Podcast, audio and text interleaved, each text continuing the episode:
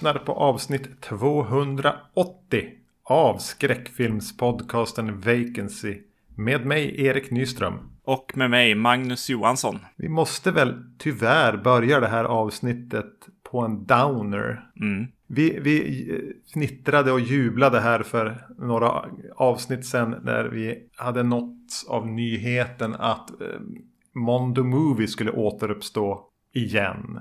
Podden som väl egentligen vi bara har planka rakt av.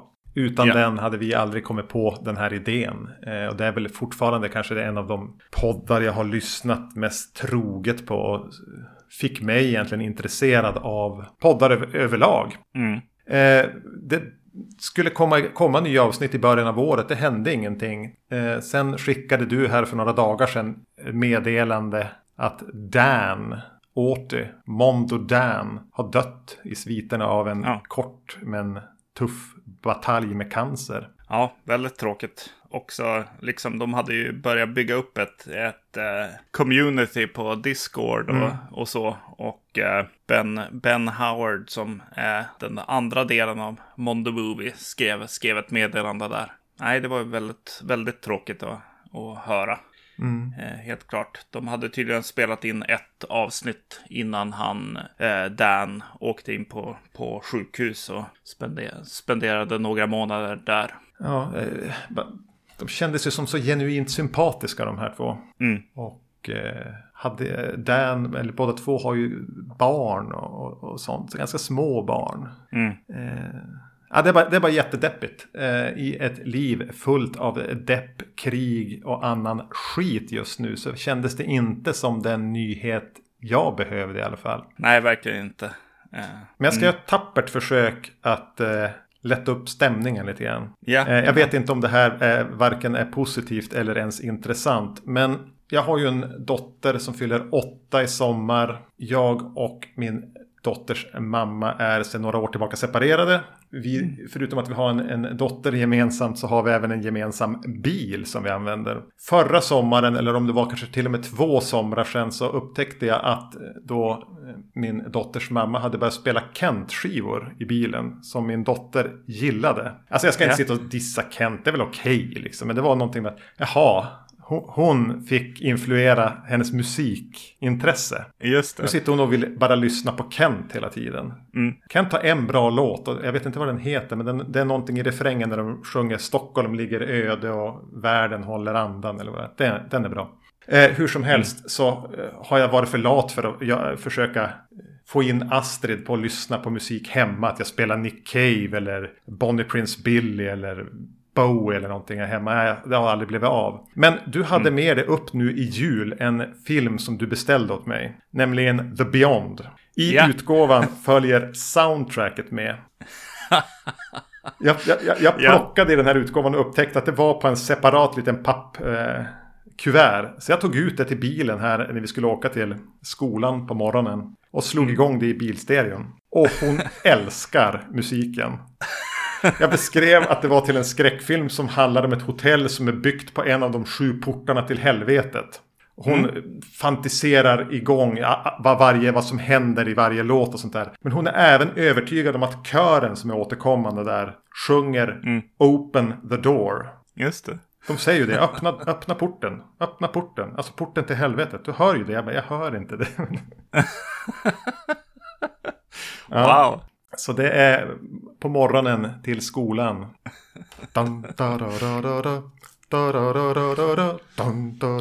Ja. Det är ju jättebra. Härligt. Men inte därför vi är här. Nej, precis. I det här avsnittet så ska vi eh, prata om två nya filmer egentligen. En som jag blev lite så här eh, intresserad av att prata om eh, då jag såg någon så här årsredovisning på eh, eh, Red Letter Media. Där de gick igenom lite film de hade sett. Den här stod ut som någonting som eh, verkar vara en modern liksom exploitation-film tyckte, de- tyckte de att det var. Och eh, att eh, jag blev så här, oj, det här kan bli lite farligt att prata om på podden. Eh, det var min, min, min första tanke att så här, hmm, undrar hur det här blir. Eh, så då eh, valde jag ut The Scary of 61st. från 2021. Eh, och då kom du med en film. Ja, den heter The Night House. Som jag såg på en lista över de bästa skräckfilmerna som kom ut under 2021. Den har året 2020 på IMDB och överallt. Men det var tydligen en sån som gick. Den visades på typ Sundance. Och sen frös mm. de den på grund av pandemin. Så fick den Just någon det. slags release då under 2021. Eh, jag läste, slöläste bara vad den handlade om. Och det var någonting med, med, med beskrivningen och, och uh, Rebecca Hall i, i huvudrollen. Som gjorde att Just jag blev det. nyfiken. Mm. Sen finns, visade den sig finnas på Disney Plus också. Och vi gillar ju alla Disney. Precis. Så, så då la jag fram den som ett komplement. Mm. Så det temat här, om vi nu ska försöka krysta ihop något sånt, är väl helt enkelt filmer från 2021 som vi är lite nyfikna på att se. Och varför då inte prata om dem också? Typ från 2021 som andra redan mm. sett. Mm. Jo, det, det, här är ju, det här är ju, vi är ju alltid efter. ja. Men det är därför ni älskar oss. Precis, och eh, du skickade ett meddelande om att The Night House då, eh, eftersom att den hade visat på Sundance, I guess. Eh, någonting med kronologin ja. där, eh, att, vi, att vi pratar om The Night House först, mm. Vilket är spännande, för det är ju en, en liten sån här som kan bli lite spoilery. Ja. Men det får vi, får vi navigera. ja, jag, jag, tror att vi inte behöver göra någon spoilervarning här riktigt. Vi får se. Ni, ni vet hur ja. vi pratar om filmer. Jag tror inte vi kommer att överspoila den, eller? Vad känner du? Nej, nej, jag tror nej. inte heller. Så jag tror att ni kan lyssna på det här om ni inte sett den. Men jag är inte ja. säker. Bra konsumentinformation. Eh, yes. The Night House handlar om en kvinna som nyligen förlorat sin man. Han har tagit livet av sig. Hon bor i ett deras eh, eh lyxiga, av honom designade hus bredvid en sjö. Hon försöker hantera sorgen. Eh, någonting står inte rätt till. Hon ser ett hus på andra sidan sjön. Hon känner en närvaro i, inne i huset och, och, och brottas naturligtvis med sorgen. Mm. Den här filmen är regisserad av David Bruckner. Bruckner Mm. Som, eh, jag har sett en av hans tidigare filmer, eller egentligen två, beroende på hur man räknar. Men har du sett den här The Ritual som har funnits på Netflix om britterna som eh, åker till Sverige och ska fjällvandra? Nej, jag har inte sett den. Eh, eh, jag har sett The Signal. Ja, det, tror jag. det kan jag ha gjort. Mm. Eh, är, det var ganska länge sedan den kom. Den har typ 15 år på nacken. Yeah. Men uh, The Ritual, ja, det fan, den är nog inte värd att se. Uh, men kanske lite. Den är inte helt tokig. Men han har även gjort någon av, någon av delarna i VHS. Just det. Och den här är mm. skriven mm. av uh, Ben Collins och Luke Pitowski. Som verkar vara en, en skrivarduo som har skrivit flera andra filmer. Men de har skrivit Super Dark Ursäkta. De har skrivit Super Dark Times. Som har åtminstone har funnits på Netflix. Som jag såg. Som är en sån här film eh, som blickar tillbaka. Jag tror den utspelas typ 93 eller någonting. Mm. Eh, som sätter en tid och en känsla bland ett gäng ungdomar perfekt. Sen minns jag inte så mycket mer. Yeah. Men jag skulle säga att den är väl värd att se. Har du sett den? Precis. Jo, jo jag såg nog den. Jag tror jag tjatade på dig att du skulle se den. Ja, precis. Uh, det, det är high praise uh, när det kommer från uh. dig. Uh, va? Att sätta en, en, en film i dåtid, särskilt med, med kanske ungdomar mm. och sådär med. Det blir lätt falskt. Mm. Men vi skiter i den mm. just nu och hugger in på The Night House. Min yes. första anteckning är melankoliska pianoackord och rikemans sörja. yes, yes, yes. Det, det, första som slår mig när jag börjar titta på den är att jag, jag vet ingenting om den. Inser jag när jag, när jag slår igång den. Rebecca Hall är, är med på, på bild där på Disney+. Plus Och det är allt jag har egentligen när jag trycker på play. Och eh, ja, rikemanssörjan. Ja, jag blir både så här lite, lite intresserad, men jag blir också lite nervös av två anledningar.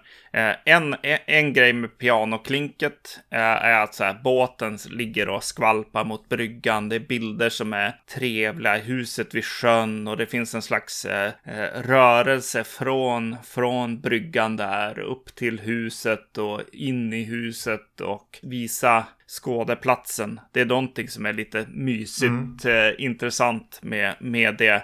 Eh, det som gör mig lite nervös är att eh, det är orange teal som gäller. Det är färgkorrigeringen är liksom, känns som de, de redan, när de fick in materialet var liksom, det var bara att, att dra den genom de vanliga settingsarna någonting som slår mig med huset är också att så här, vänta, jag känner igen det här. Jag, jag eh, börjar googla och bara, hmm, är det här huset i dolt under ytan eller inte?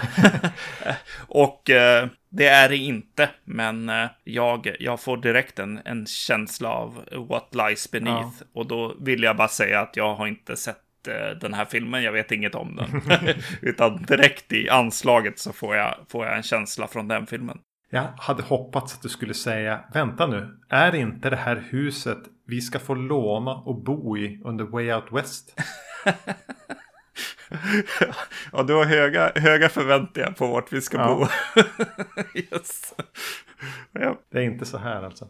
Nej, men, nej, nej. Men, jag, jag, är också lite, det, det, är någonting som känns väldigt tryggt med det här pianoklinket. Och det är, det är en tilltalande skådeplats. Det här ensamma huset vid sjön. Det är, väl, det är någonting Stephen Kingigt över det också. Ja. Och, och, bekant på ett sätt som inte nödvändigtvis är så här, bara trötta klichéer. Mm. Men, men det är så här rikemanssörja. Ja, alltså det är någonting med att Ska, ska man ha förlorat sin närmsta anhörig i ett uppslitande självmord. Så på något vis om jag skulle gå runt och deppa och sörja det. Då skulle jag väl ändå vilja göra det så här. Mm. Ha en vinkällare där jag kan bara, kan bara hälla upp årgångsviner och konjak och vad det är hon hinkar i sig. Och gå runt i så här välskurna myskläder hemma. I en perfekt villa och, och eh, vara så mm. klädd. Ja, det är någonting med det som känns lite för så här. Om du skulle behöva sörja ett, i ett svårt trauma. Hur skulle du då vilja att det gjordes? ja, ja, exakt. Jävligt ja. lyxigt åtminstone. Yes, yes. Det blir som en fantasi mm. på något vis. Det, det, ja. ja. Men i, mitt i det här mm. har vi Rebecca Hall. Ja. Va, fan, hon är väl med i Godzilla-filmen, är hon inte? Ja, precis. Ja. hon, hon, är väl en skådis som har en sån här, kanske skulle kunna breaka och bli en av de riktigt stora, men kanske kommer hon inte att göra det. Kanske är hon intresserad av att göra en del indiefilmer också, vilket jag har fått för mig. Mm. Men jag tycker att hennes är lite låsta sorg som hon går runt i hela ansiktet och utstrålar gör att jag ändå bara, ja men det här är inte bara en, en Dressman-reklam där, där, där man sörjer. Utan mm. hon, hon det, det, är någonting väldigt fysiskt över hennes ansikte. Det ser ut som att hon har oförlöst sorg eller någonting. Hon är som krampig på något vis. Det, hon har ont och, men hon kan inte riktigt formulera det för sig själv. Just hur hon bara ser ut och känns Ja, bara för att säga det enkelt, hon är skitbra. Hon är mm. ett ankare i den här filmen, hon är grym. Ja, precis. Ja, jag ville skämta lite grann i början. Att, hon, att Rebecca Hall är med och så försökte jag hitta, hitta en gammal liksom, tidig skräckis liksom, i hennes karriär. Och när, jag gick igenom hennes, äh, hennes CV så är det ju tydligt att äh, regissörer ser det här hos henne mm. helt klart. hon, hon har inte det CVt. Hon, går, går från äh, storfilmer till liksom intressanta roller helt klart. Så att det, det, det, det, det finns ju och det är ju skönt att få en sån person in i, i en sån här eh, film mm. som i övrigt kanske eh, både st stilistiskt men också manusmässigt väldigt fin, alltså väl skriven liksom. De behöver nog nog en, en, någon som ger en, en, ett faktiskt hjärta ja. in, i, in i det här också. Den är lite formulerad, den är ganska skriven. Ja, väldigt ja. skriven alltså. Eh, ba, bara hur vi får reda på att hennes man har dött, att så här, ja, de kommer till dörren och hon håller i eh, liksom mat kvar från, från eh, begravningen och eh, hennes vän kommer, kommer och, eh, och liksom lämnar av henne mm, vid, mm. vid huset det är ju liksom, genomarbetat redan där. Eh, och eh, hela liksom, ja vad ska man säga, mysteriet och liksom historien är skriven. Definitivt. Alltså det, det är verkligen en, eh, lys, lyssna på, på vad vi säger, titta på vad vi visar och så vidare. Liksom. Det, det är väldigt eh, genomarbetat eller ibland kanske eh, en känsla av att det är lite enkelt. Ja.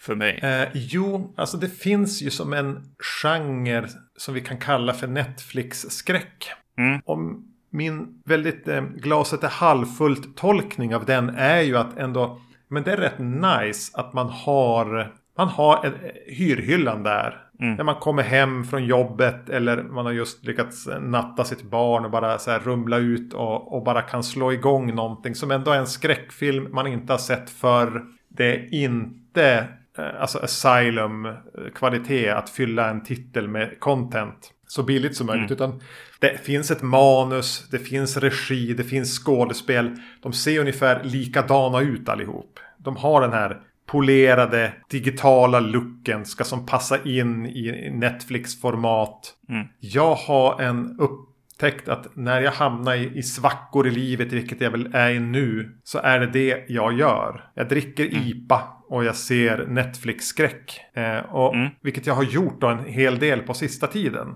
Och det kanske inte gjorde den här filmen en tjänst. För den har lite svårt att lyfta sig ur. Jag, har sett någon, vad fan heter den? The Rental. Såg jag. Och en, den, den utspelas också i ett hus vid vatten. Som några hyr. Okay. Ja, det är havet visserligen. Jag såg The Turning för inte så länge sedan. Eh, lite sånt där nyproducerad. Inte helt dåligt producerad. Men väldigt samtidigt mellanmjölkig skräck. Mm. Och tyvärr känner jag väl inte att den här har, förutom Rebecca Hall, de här ingredienserna som trycker upp den, att den, att den sticker ut ur den mängden. Nej. Ja, jag, jag ser ju nästan ingenting av det. Det är inte fel beslut. Sk skräck. Just det. Nej, precis. Ja, nej, där, där slår jag nog igång en gammal italiensk film som, som sagt, jag börjar, börjar eller som sagt, jag, jag säger som sagt bara för att vi kanske har pratat om det, men eh, det börjar ju bli liksom eh, verkligen slaskhinken där.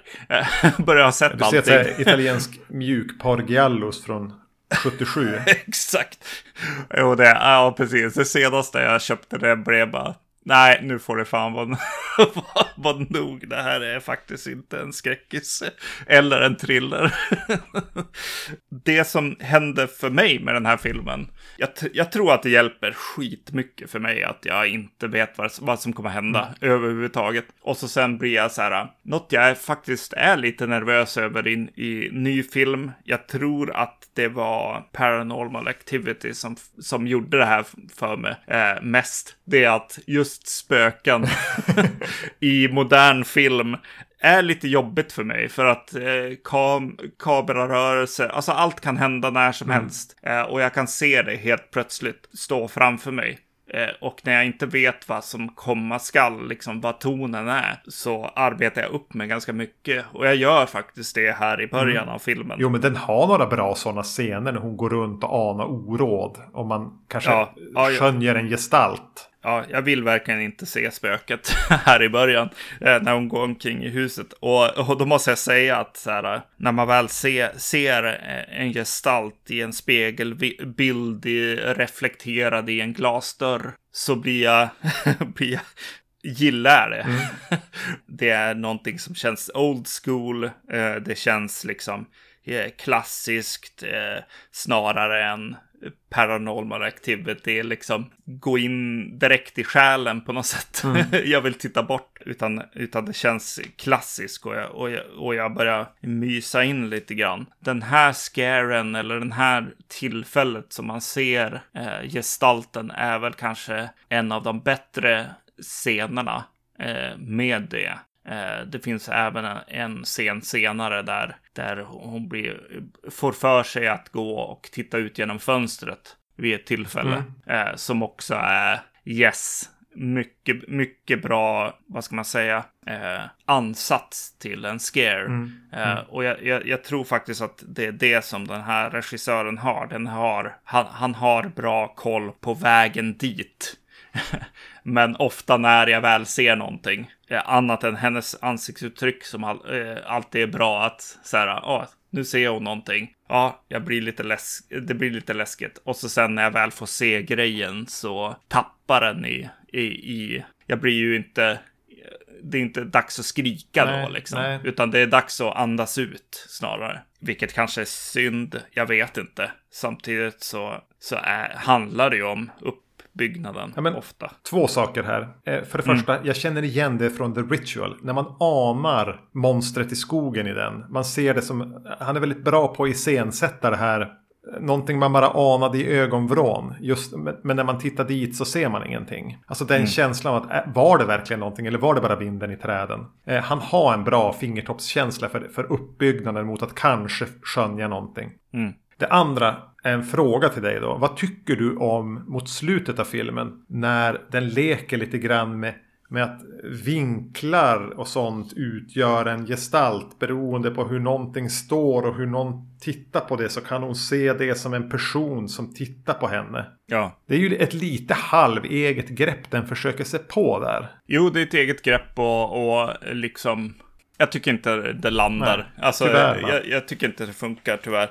Jag tycker att det är väl en smart idé, men det är lite övertydligt tror jag. Alltså jag, jag ser det innan själva eh, musikcuen ska komma och rörelsen eh, liksom sker. Utan, utan den, den är lite för eh, tydlig kanske mm. med de där grejerna det vore skönare om det är lite otydligt. Eh, är, är det någonting liksom och sen rör det på sig. Det, det, jag, jag, tror att formen som man ser, urklippningen, liksom, ja. profilerna av, av den här gestalten är lite för, för tydliga att börja med. Liksom. Eh, jag får titta på det för länge liksom, innan, innan det läskiga händer. Nej, jag, jag, jag är inte helt såld. Nej, nej jag, jag är också där lite. Ja, det här är en god idé. Ja, eh, och idé. delvis genomförd, men nej, det, det får inte den punch det hade kunnat få. Mm.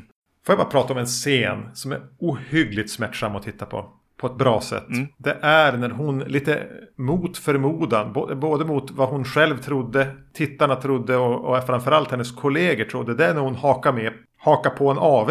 Ja. ja. Den har en otrolig fingertoppskänsla för att fånga upp eh, de, alla vet vad hon går igenom. De vill mm. att det ska vara en normal avslappnad stämning. Men man känner den här spända outtalade. Hennes man tog livet av sig. Hennes man tog livet av sig. Hur mår hon? Vad tänker hon? Vad tycker hon? Mm. Hon börjar försöka prata om saker hon har sett. Och någon försöker bara göra det till en generell nivå. Ja, Tror ni på spöken eller? Alltså den, den mm. och, och, hela tiden känner man ju liksom den här social, det socialt obekväma och hennes sorg i det. Så, en, ja. en, dramatisk, jävligt plågsam scen att titta på. Och man får, man får se liksom eh, flera, eh, alltså, ja de här manusförfattarna är, är duktiga på att eh, tänka och kanske ibland övertänka saker. Men, men just att, att de skapar karaktärer som har lite olika eh, sätt att reagera i sådana här situationer som är liksom lite awkward och det är sorg och det är någonting som man inte är beredd på att behöva ta tag i just här och då. liksom, det, det, det, det är ett schysst persongalleri ja. i den scenen och eh, de låter scenen var så awkward de bara kan. Ja. Liksom, på något sätt. Det, ja, den är bra. I den scenen så hade jag lite svårt att pinpointa hennes bästa vän. Som hon har med sig genom filmen. Mm. Jag skrev i början av den scenen så jag, sa jag bara, ja men hennes blonda kompis är inte så bra va? Och så sen i slutet av scenen eh, skrev jag, eller Nej, hon är bra. Ja, hon går ju igenom någonting som hon inte var beredd på i hennes närmaste vänskapskrets. Eh, som hon, hon inte är helt bekväm i att hantera. Men, men gör sitt absolut bästa för sin kompis. Och, och det är nog det som lys, lyser igenom i skådespelet där som, som gör att ibland så känns hon som att hon är disassocierad eller liksom inte riktigt med. Nej, precis. Mm. Nej, men jag upplever att det finns där någonting om att Rebecca Halls karaktär här har liksom hon går runt med en känsla av att hon vill berätta eller sätta ord på, på någonting. Som är helt mm. obegripligt, ogreppbart för henne. Ja. Men det går inte att förklara och det går heller inte att förstå. Och då menar jag inte de här gestalterna hon ser utan det handlar väl egentligen om en sorg hon själv inte har lyckats greppa om. Men hon går liksom runt med en förhoppning om att hon ska kunna det. Och ja, men det, det, handlar väl väldigt mycket om sorg det här. Ja. Och, och, och, bara önskan om att kunna sätta ord på det. Och att någon ska kunna förstå. När båda vet någonstans att det finns inga ord för att förklara vad du känner. Jag kan inte förstå vad du är med om. Men någonstans är det kanske ganska viktigt att vi bara är i närheten av varandra. Att det finns någon där. Även om den inte förstår. Kanske till och med lite störig ibland. Men den tycker ju om dig.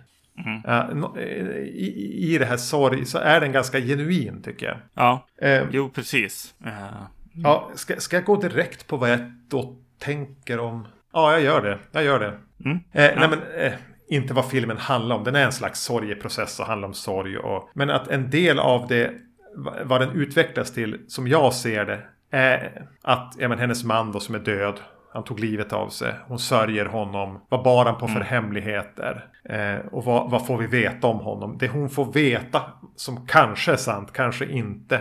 Att han, kanske var det så att han inte var en sån, sån snäll och bra person. Mm. Är det liksom en, en eh, försvarsmekanism hos henne? Att men om jag gör mannen i mitt liv som lämnade mig genom att skjuta skallen av sig i en båt till en sämre person. Ja. Blir sorgen lättare att hantera då? Mm, Känner precis. jag lite grann är en fråga som filmen vill ställa.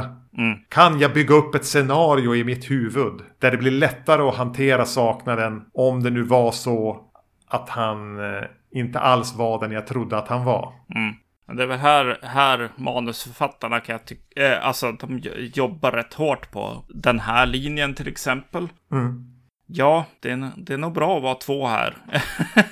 Eh, de de uh, tänker igenom både en och två gånger det, det de försöker berätta och till viss del så blir det lite, lite sterilt och mm. lite, lite liksom, inte övertydligt, men så här där det ska vara övertydligt så är det det och eh, där de vill gömma en rolig sak för dem själva i sitt berättande ja. för publiken. De pratar med oss hela tiden också och gör, gör kanske eh, inte bara den här eh, som filmen du ser med, med en faktiskt hur, hur behandlar jag sorg och hur bearbetar jag det här och, och så vidare. Vilket de ju också gör. Men de gör också en, en liten så här thriller och mysterie ja. och eh, lägger in lager av det här ska du se ganska tydligt och eh, du, du har ju massa saker med dig förstås om du tittar på en sån här film. Exakt. Så du, du, du har väldigt snabbt eh, liksom förstått vad det handlar mm. om.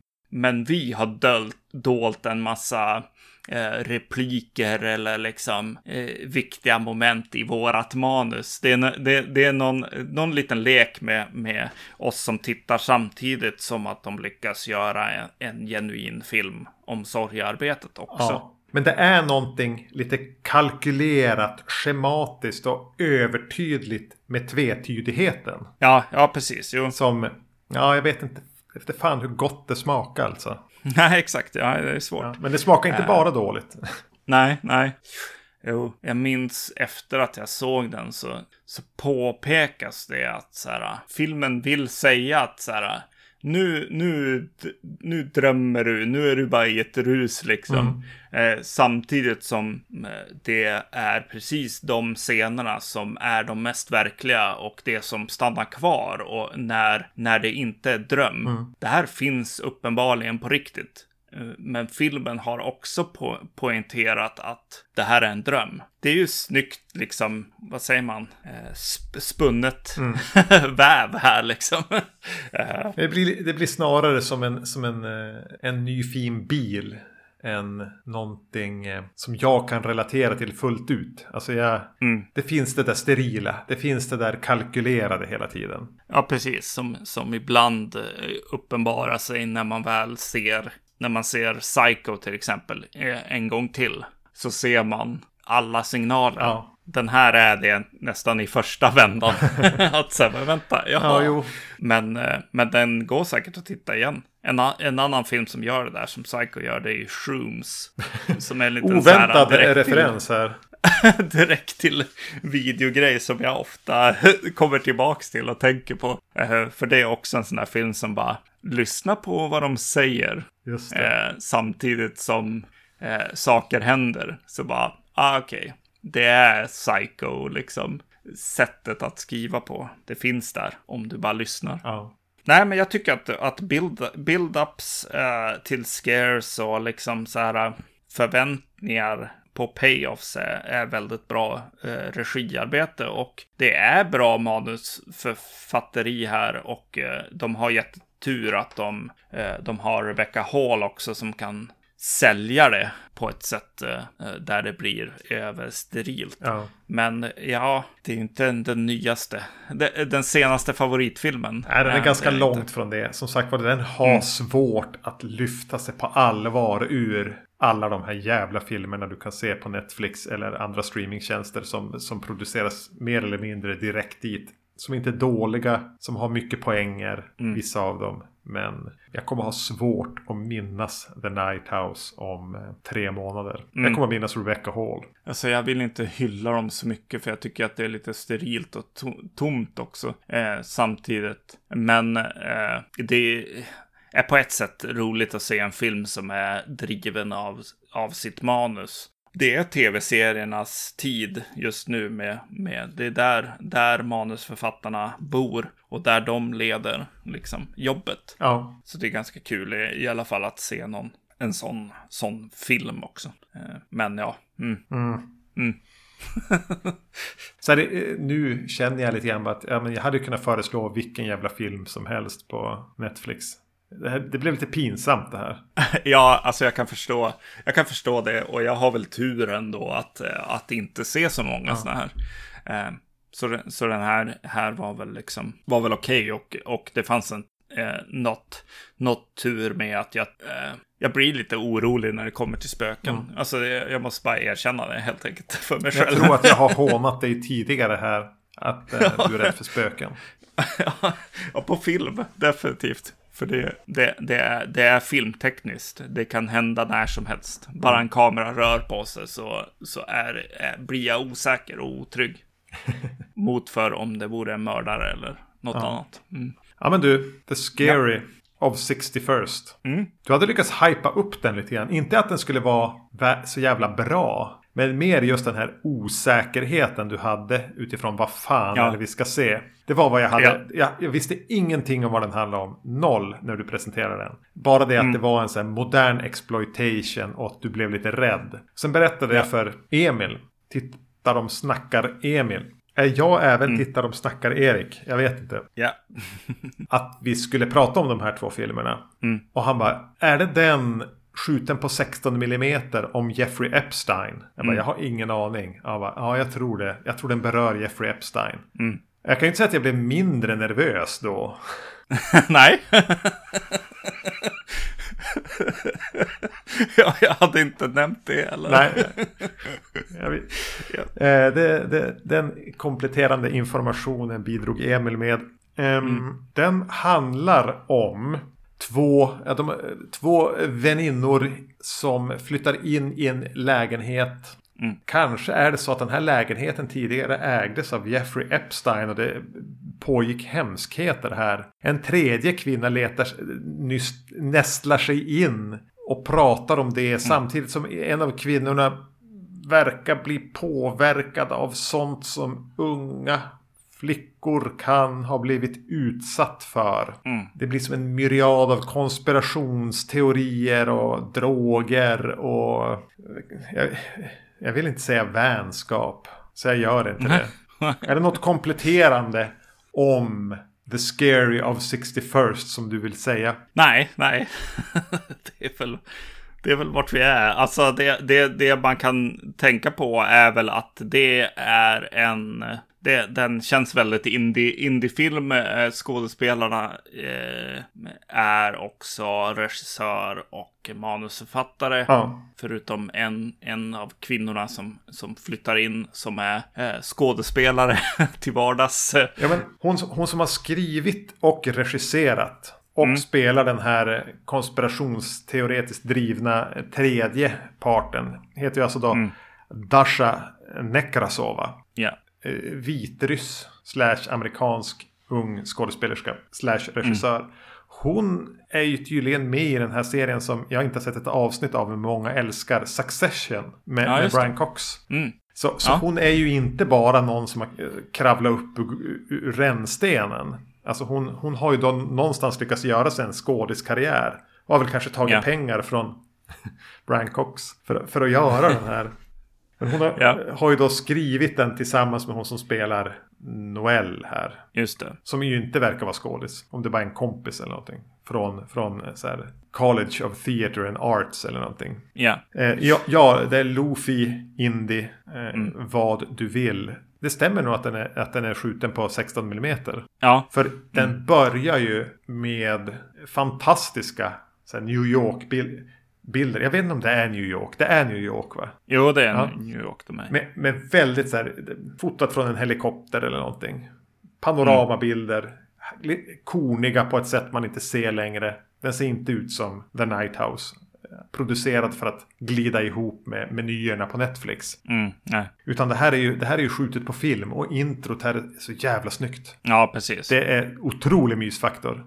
Ja, precis. Synt, syntmattorna och pianoklinket som, som går också. Eh, man tänker direkt på om det skulle vara en typ remake på Maniac som är gjord idag. Typ. Med New York-fasaderna och sådär. Ja, det är eh, riktigt snyggt eh, intro och jag gillar, gillar fotot i allmänhet. Att det är så här snyggt och långsamt och otäckt när det liksom visar världen och eh, det finns någon slags eh, lång, ja men lite långsamt i, i, i fotot när det, när det eh, visar världen och sen när man kommer in och börjar prata med, med folk så får man lite sån här Lucas Mod, Moodysson eh, känsla, så här, så här indie handhållet eh, och blandat med någon slags eh, George Romero collageklippning. Ja, verkligen. Ibland dyker upp. För, för jag tänkte det bara, förtexten är typ fan det snyggaste jag sett 2021.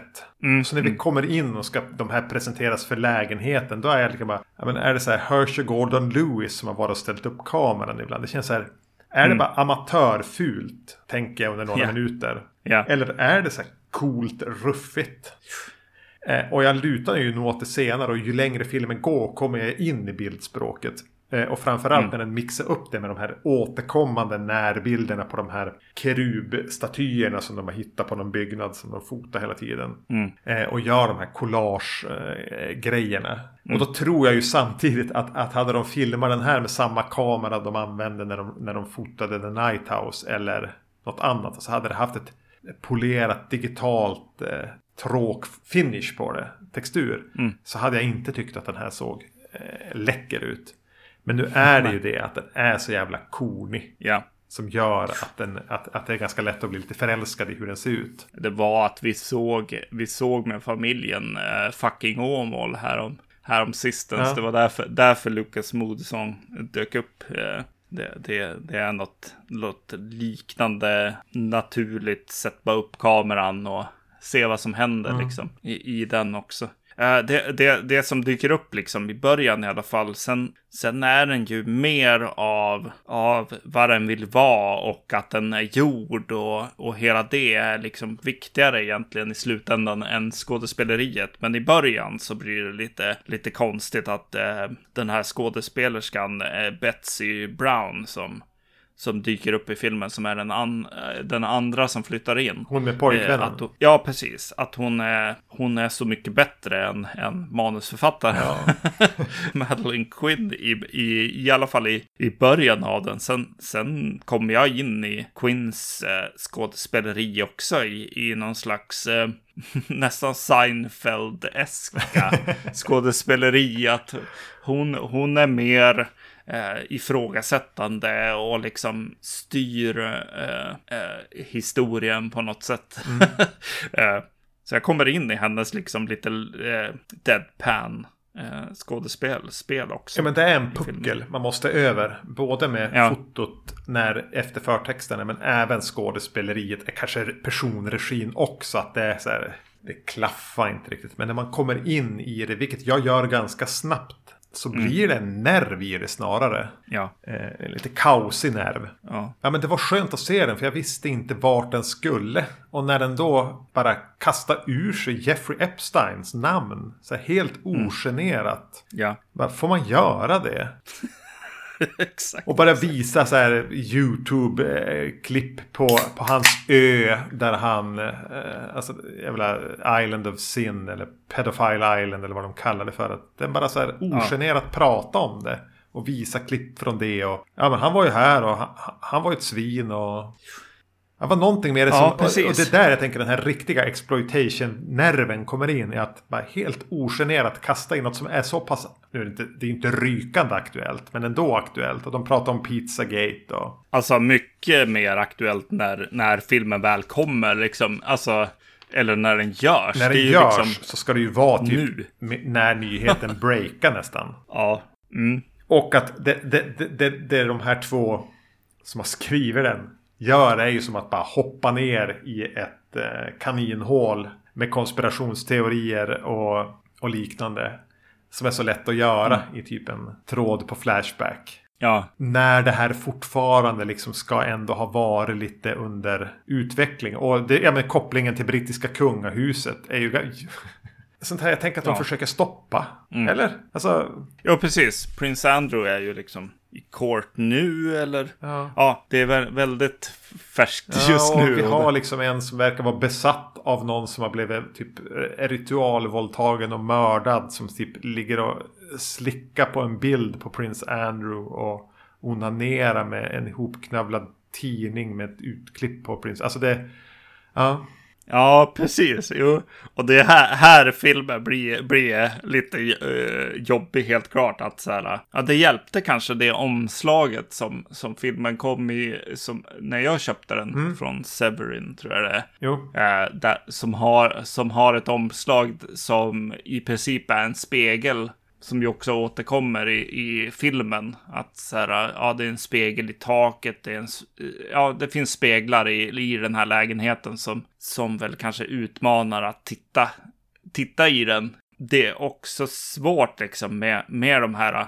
Jag tänker att de någonstans ändå liksom vill sätta det på oss uh, som tittar ja, också. Det, uppenbarligen är det ju någonting med att de vill rikta. Ja. lite ha Haneke-grejen. Mm, Men vem är mm. du som tittar på det här då? Precis, eh, hon, hon Betsy Brown som blir eh, skådespelaren här som blir, blir besatt av eh, och eh, liksom blir en, ett av de här offren.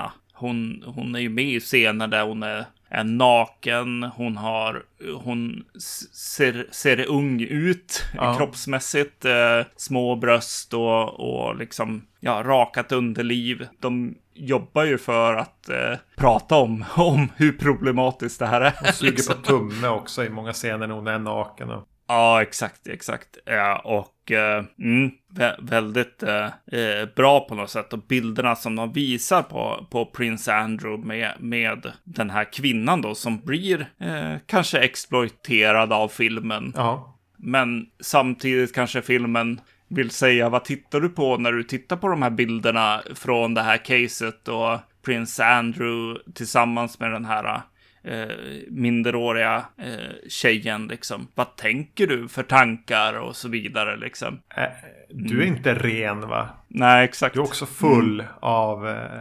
perverterade tankar, mm. eller hur? ja men det gör ju den här rätt schyssta centerpieces på filmen. Är väl det här montaget när um, ja, men hon, Dar, hon som har gjort filmen då, Dasha. Mm. Ska visa någonting hur o, orimligt det var att F, Epstein hängde sig i cellen. Så hon mm. visar att det går, kan ju inte hända. Så hon, hon iscensätter det genom att knyta typ ett något tygstycke runt halsen. Och från stående faller ner på knä runt det och börjar strypas. Mm. Vilket korsklipps med att eh, den här skådespelerskan mm. spring, i någon form av besatt trans springer ut från sin pojkvän och fram till en port med initialerna JE.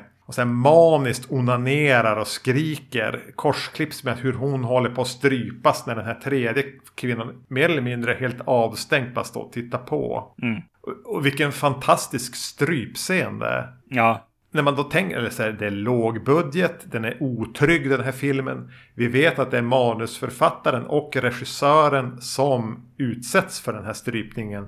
Har ja. jag svårt att tänka något annat än att det här var en ganska otrygg scen. Ja, precis. Att hon hänger, alltså ingen, äh, äh, ögonen börjar ju tränga ut i huvudet på henne. Mm. Ja, exakt. Och samtidigt Ja men precis, jag tror att korsklippningen hjälper ju där helt klart för att det är ju massa som jag ser det, liksom när jag tittar på det, det är väl det som kommer från Maniac också, att så här, eh, det är stulna bilder. De har ju, här, här, här är det Highwire Act liksom. Mm. De är ute i New York och filmar utan tillstånd. Alltså man, man får den, den stora, eh, den tydliga känslan här i, i, när hon ska gå och onanera där vid, vid porten. Eh, och även den scenen förmodligen liksom känns farlig. Ja. Och då att korsklippa med den här strypscenen, ja. Ja, jo, det är... Jo, det känns allvarligt. Helt klart. yes. Men man är inte säker. Nej. Men visst är det rätt härligt att följa med ner i det här kaninhålet av konspirationsteorier, knark och eh, bara någon du just har träffat som du förmodligen vill ligga med. Mm. Eh, som de gör när man märker att ja, men, de öppnar ju hela tiden kapslar och häller ner i någon knölig vattenflaska som de dricker av. Mm. Eh, det är, de sluddrar ju när de pratar.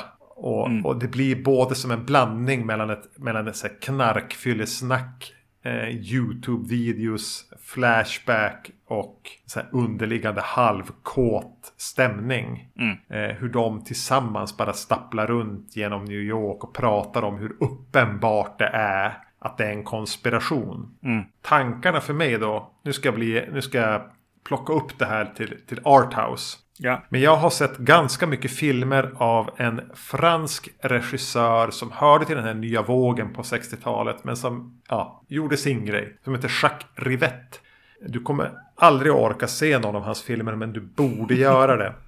ja. Det var, det var ofta någon här underliggande känsla av dolda sällskap, konspirationer. Det var alltid kvinnor i huvudrollerna som sprang runt jagade av en handhållen kamera. Kanske i Paris. Eh, mm. som, som eh, mycket var improviserat.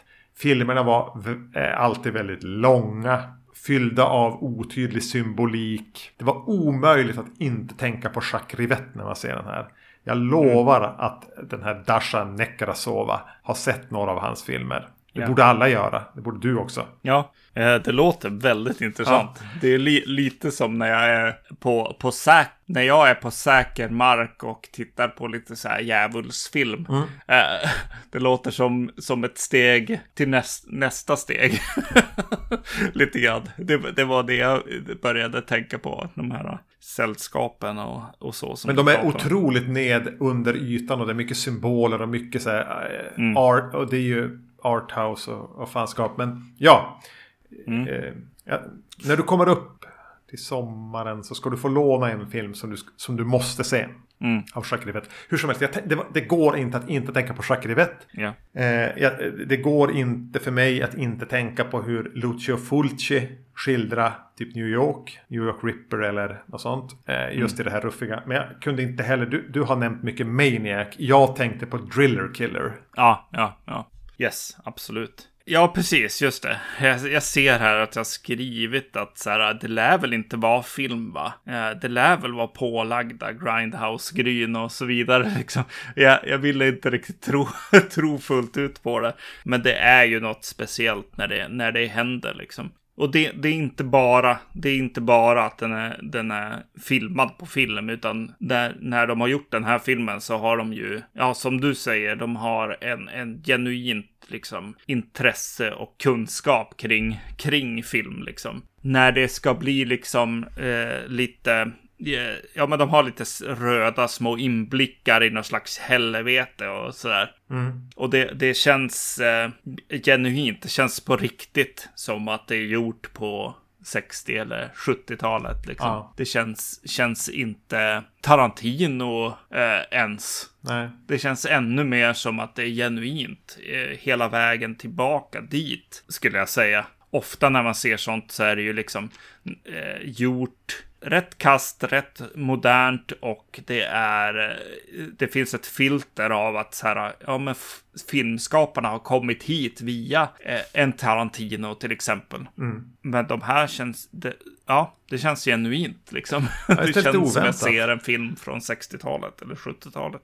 Ja, och den blir ju oväntat spännande, eller kanske spännande, fel ord, men fängslande tack vare det. Ja, mm. den, största nerven för mig är väl så här, hmm, Jeffrey Epsteins faktiska offer då. Ja. Det, det, är väl, det är väl varför, varför de eh, på Red Letter Media pratar det som exploitation. Eh, och exploitation för mig är ju oftast i backspegeln. Så jag har ett filter av att vi har kommit någon vart. Eh, för, från det, det finns, finns en distans. Men här tar de ju bort den distansen till exploitation eh, och, eh, och eh, highlightar den fullt ut. De gör det kanske för att utmana mig som tittare. Kanske. Men det kan ju... ja, Ja, jag tänker på Epsteins offer helt enkelt. Ja, men jag får lite känslan av att det här nästan skulle kunna vara en film gjord av en av Epsteins offer också. Exakt, mm. jo. Jo, det är svårt då. Svårt för mig att veta lite grann. Men det, men det är där, där finns det ju helt klart en, en nerv och en o, osäkerhet ja. och en otrygghet hos mig. I alla ja, den är ju skön att vara, vara i. Mm, mm, absolut. Eller skön. Ja. det är som när vi säger alltid när det är mysigt, när det är stor slakt och grejer. ja. Tänkte du på, och det här ska jag säga, nu får ni ta mig på orden när jag lovar och svär att lappen som hon läser i slutet. Mm. När hon, allting verkar ha sopats under mattan. Mm. Alla tecken på, att, på, på de hemskheter som händer i slutet har de inte hänt. Och så finns det en lapp där till regissören av någon anledning. Mm. Där det står typ undersök inte vidare, glöm allt, gå vidare. Annars kommer det bli konsekvenser. Mm. Att den ord för ord är exakt samma lapp som Tom Cruise får i Ice Wide Shut. Tog du det? Nej, nej. Jag kände igen den så jävligt väl och det står även på, i trivian på IMDB att det är ja. exakt samma meddelande. Mm. Ja, det är snyggt. Mm. Nej, men min trygghet kanske mer än med filmen är ju ändå att vet du, filmskaparna har, jag har, jag har en, en trygghet i att filmskaparna vet vad de vill säga. De, de är trygga med vad de gör för konst här, helt klart. Själv är det lite svårare att att veta vad, vad jag, vad, vem jag ska vara. Ja. Och där kan vi väl bara enas om att få vara i det då? Yes, ja. yes. Och då om vi ska göra någon slags summarum här så är ju det här filmen du ska se inte... Jag kommer Vad hette den? Hette den The Night House? The Night House, ja. The Rebecca Hall House. Den försvinner på ett sätt. För det här kommer jag ju att minnas på ett helt annat sätt. Och den har ju fått mig peppad på att se om Jacques Rivette-filmer och sånt där. Alltså, mm. ja för fan. Eh, yes. Se den här och ta den för vad den är. Och det är helt okej okay att tycka att den är fruktansvärt usel eller osmaklig. För det båda de påståendena är nog lika san, sanna som våran eh, smygande kärlek till den. Ja, yes. Det finns inga rätt ja. eller fel här. Nej, precis. Det är väl där tryggheten filmskaparna ger mig ändå. Att uh, jag, jag får, får också älska den här filmen. Mm. det är okej. Nej, men den är, den är bra. Eh, helt klart sevärd. Ja, som sagt, kommer följa med, följa med en stund här. Och någonstans skulle jag önska att hon här Dasha Nekrasova aldrig gjorde en till film. Nej, just det. Att hon, ja. men hon, hon är med lite här och där i Succession eller i vad fan som helst. Utan, men det var det här hon ville säga. Mm, mm. Men så kommer det inte att vara. Nej. Ja, så här går det när vi ska hantera eh, moder moderna filmer som vi är missade. Då blir det det här resultatet. Men, men, men, men, men, men, men, men, men. Nästa mm. avsnitt ska vi ge oss in på någonting som vi båda två har längtat efter. Ja, exakt. Alltså, eh, Severin Films, det är ju en, en, liksom, en amerikansk utgivare av film, eh, har, har släppt en, en jättebox av, av folk skräck eh, som är så spännande. Eh, både i, eh, den heter All the Haunts Be Ours och eh, har liksom kortfilmer, långfilmer, dokumentärer, allt, allt. I, i sig. Det, det, är riktigt spännande liksom att eh, titta i. En del av de här filmerna har vi pratat om mm. som finns med. Till exempel Det dödes kärn. Ja, precis. Eh, som jag har hunnit se om nu. Eh, ja. Ur boxen. Eh, vi. Eller vi. Ja, den ryska. Också. Ja. Och eh, Dark Waters har vi pratat om. Eh, så det är från hela världen liksom. Eh, olika folkhorrorfilmer, tv-avsnitt och så vidare. En dyrgrip är det också. Ja, gud förbannat vad dyrt det blev. Men eh, jag ångrar det inte. Jag har under de senaste dagarna sett eh, den här dokumentären som väl på något vis egentligen är grundplåten för att den här boxen förmodligen blivit till. Som handlar om folkhorror. Dokumentär på över tre timmar som, som finns med i boxen. Woodlands Dark and Days Bewitched. Exakt. Mm. Vilken alla såklart borde se. Ja. Det den fick mig att inse var att den här boxen är ju samtidigt bara en eh, liten, liten promille mm. av vad som finns inom genren. Från, alltså, vadå, 80 år av olika typer av folkhorror. Och det är mycket titlar där som jag aldrig har sett, aldrig har hört talas om. Som har fått begränsad release. Mm. Otroligt intressant genre. Eh, men, men, men, det som nämnas bör är att det den här dokumentären nämner som The Holy Trinity of Folk Horror är tre titlar som vi har pratat om på mm. Vacancy. Och det är The Witchfinder General, mm. Blood on Satan's Claw och The Wicker Man. Ja, precis. Ja, jag hade dem. jag har inte sett dokumentären, Nej. men det var typ dem. Så jag, du hade kunnat gissa, ja, Witchfinder General kanske jag inte skulle ha tagit.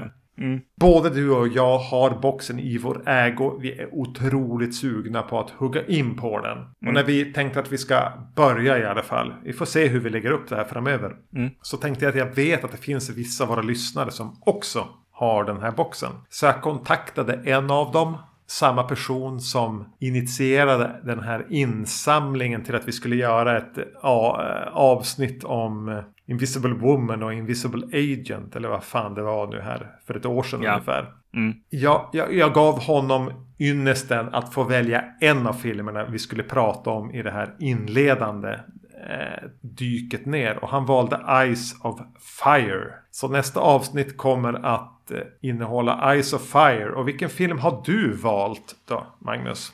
Jag var nära att gå italienskt, men mest nyfiken just nu är jag på Leptiricca eller vad man ska säga. Uh -huh. Jag vet inte hur man säger det. Eh, men eh, The She Butterfly från 1973. Mm. Från Jugoslavien. Coolt val. Mm. Jag håller mig i England ja. Ja.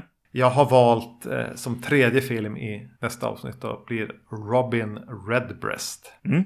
Spännande. Ja, kul. Ja. Då ska vi se de tre filmerna. Ja. Eh, mm. Och vi kan väl bara avrunda med att säga se dokumentären, köp boxen och eh, njut. Mm. Men eh, vi finns på Spotify.